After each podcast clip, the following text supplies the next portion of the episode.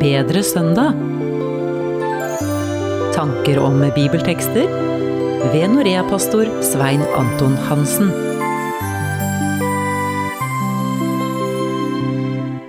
Jesus var en mester og ener i det å fortelle lignelser.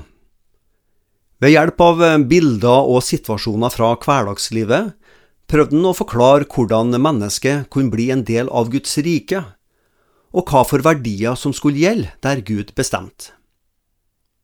Evangelistene Matteus, Markus og Lukas gir oss mange lignelser om nettopp Guds rike. I kapittel 15 hos Lukas møter vi ikke mindre enn tre lignelser som alle har flere likhetstrekk. Som alle tre har noe viktig å si om hvordan Gud far forholder seg til mennesker som ennå ikke er kristne. Den mest kjente av disse lignelsene, ja kanskje den videst kjente av alle Jesu lignelser, er den som handler om den bortkomne sønn. Den finner vi i Lukas kapittel 15, og vi skal lese versene 11 til 32. Og Jesus sa, En mann hadde to sønner. Den yngste av dem sa til faren, Far, gi meg den delen av boet som faller på meg. Faren skiftet da sin eiendom mellom dem. Og ikke mange dager senere samlet den yngste sønnen sammen alt sitt og dro til et land langt borte, og der sløste han bort alt han eide i et utsvevende liv. Men da han hadde satt alt over styr, ble det en svær hungersnød i landet, og han begynte å lide nød. Da gikk han bort og holdt seg til en av borgerne der i landet, og han sendte ham ut på markene sine for å gjete svin. Han ønsket å fylle sin buk med de skolmer som svinene åt, for ingen ga ham noe. Da kom han til seg selv, og han sa, hvor mange leiefolk hos min far har overflod av brød, mens jeg setter livet til her av sult. Jeg vil stå opp og gå til min far, og jeg vil si til ham, Far, jeg har syndet mot himmelen og mot deg, jeg er ikke verdig lenger til å kalles din sønn, men la meg få være som en av leiefolkene dine. Og han sto opp, og han kom til sin far. Men da han ennå var langt borte, så hans far ham, og han fikk inderlig medynk med ham. Han løp ham i møte, falt ham om halsen, kysset ham igjen og igjen.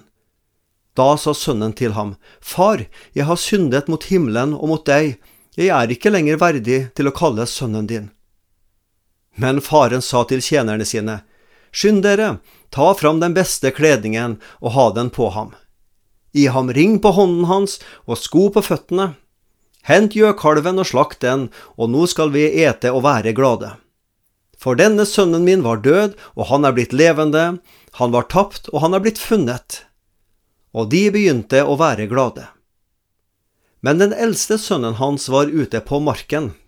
Da han gikk hjemover og nærmet seg huset, så hørte han spill og dans. Han kalte til seg en av tjenerne og spurte hva dette kunne være. Han sa til ham, din bror er kommet, og din far har slaktet gjøkalven fordi han fikk ham frisk tilbake. Da ble han harm og ville ikke gå inn. Men faren gikk ut og talte vennlig til ham. Men han svarte og sa til sin far, Se, i så mange år har jeg tjent deg, og aldri har jeg gjort imot dine bud. Men meg har du aldri gitt et kje, så jeg kunne glede meg sammen med mine venner. Men da denne din sønn kom, han som har ødslet bort formuen din sammen med horer, da slaktet du gjøkalven for ham. Men faren sa til ham, Barn, du er alltid hos meg, og alt mitt er ditt. Men nå burde vi fryde oss og være glade, fordi denne broren din, han var død, men han er blitt levende, han var tapt, og han er blitt funnet.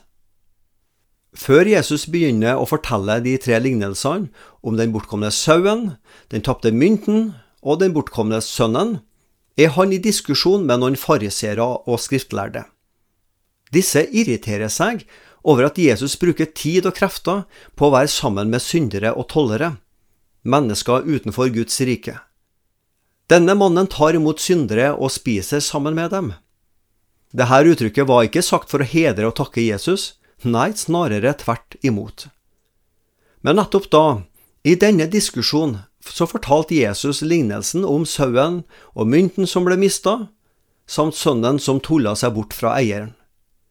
Jesus ønska å fortelle fariseerne og de skriftlærde at noe verdifullt for Gud hadde kommet bort. En sau, en mynt eller en sønn har alle verdi for den som har mista det. Noe av stor verdi for eieren mangler. For de religiøse lederne på den tida hadde syndere og tollere åpenbart liten verdi. Fariseere og skriftlærde skjønte ikke hvorfor de skulle investere tid og krefter på slike mennesker. Så lenge de er ute av syne, så er de ute av hjertet. Ja, slik tenkte og praktiserte den religiøse eliten i Israel. Men for Jesus hadde disse menneskene interesse og betydning. Mennesker som ennå ikke kjenner Jesus, har verdi for Gud. Han har skapt dem, og på korset ga Jesus sitt liv for alle slags syndere. Et annet likhetstrekk vi finner mellom de tre lignelsene, er at det som har kommet bort, utløser en leteaksjon. Bonden leter til han finner sauen. Kvinna lyser og rydder helt til hun finner mynten som har falt på gulvet. Og far, han står og speider etter sønnen som har gått seg bort, for å se om han snart kommer tilbake. I den siste lignelsen om de to sønnene så har et barn kommet bort. Bare dem som har opplevd at barnet sitt har tulla seg bort, veit noe om hva det utløser av redsel og leteaksjoner. Derfor er Gud i leitemodus alle dager, hele tida.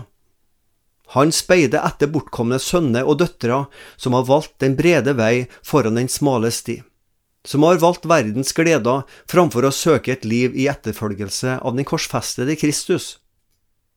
Gud gir aldri opp håpet om at mennesket skal våkne opp av syndens sløvende søvn, innse sin fortapte stilling og så vende blikket og hjertet heimover. I de to første lignelsene møter vi en sauebonde og ei husmor som aktivt søker det som har kommet bort. I lignelser om den fortapte sønn står det ikke direkte at faren var ute og lette etter sønnen. Men Guds lengtende hjerte fremstilles på følgende måte. Men da han, altså gutten, ennå var langt borte, så kom far hans han i møte, han fikk inderlig medynk med ham. Han løp ham i møte, falt ham om halsen og kysset ham om igjen og om igjen.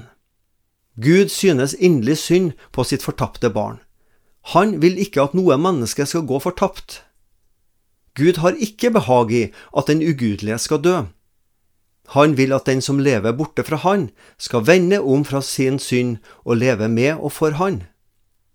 Når Jesus forteller denne lignelsen sammen med lignelsen om sauen og mynten, så har han en tilhørerskare av både egne disipler samt fariseere og de skriftlærde. Til de jødiske religiøse lederne vil Jesus si at om de ikke er i letemodus overfor dem som er utenfor Guds rike, så skal de vite at Gud kontinuerlig søker å frelse også dem som ikke uten videre synes passer inn i de troendes flokk. Den bortkomne sønn hadde planlagt nøye og ordrett hva han ved hjemkomsten skulle si til faren sin. Far, jeg har syndet mot himmelen og mot deg.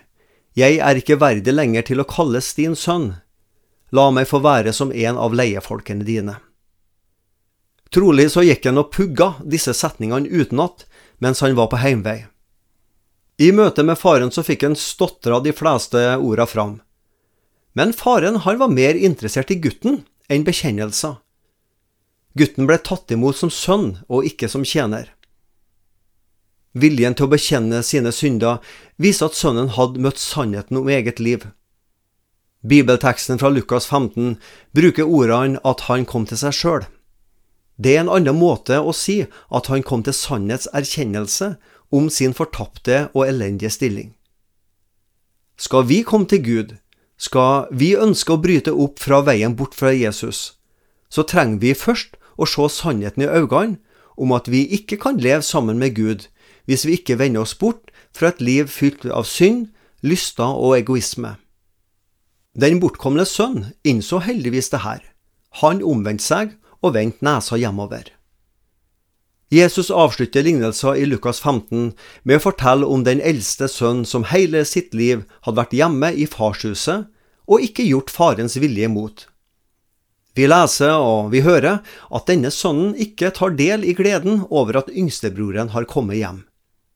Han ble sur, stående utenfor, og gikk ikke inn til festen.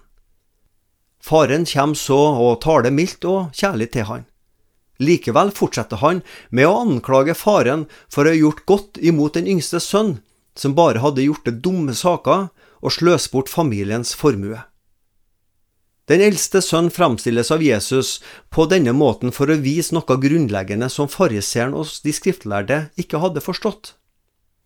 For det første hadde de ikke forstått dybden i Guds nåde. Tilgivelse og nåde er ikke noe vi får og oppnår når vi ved våre gjerninger og våre valg har gjort oss fortjent til det. Den yngste sønn fortjente ikke godheten faren viste. Nei, men nåde erfarer vi når Gud gir oss det vi ikke fortjener, men i stedet det vi behøver, nemlig Hans godhet. Og for det andre hadde ikke disse religiøse lederne innsett både den sjalusien og sjølgodheten de var prega av. De unte ikke store syndere å få oppleve Guds godhet, en godhet de sjøl mente at de hadde gjort seg fortjent til.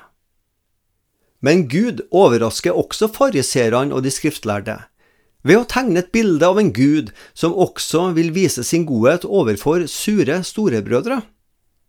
Barn, du er alltid hos meg, og alt mitt er ditt, sier faren til den eldste sønn. Den hjemværende sønn hadde blitt blind for alle Guds gode gaver han daglig kunne ta del i. Han glemte å glede seg over hverdagsnåden. Samtidig så måtte han lære å glede seg over at også store syndere, i menneskets øyne, kunne oppleve Guds nåde og det nye livet. Men nå burde vi fryde oss og være glade, fordi denne broren din var død og er blitt levende, han var tapt, men er nå funnet. Du har lyttet til Bedre søndag med Norea-pastor Svein Anton Hansen. Du finner Bedre søndag på noreapastoren.no.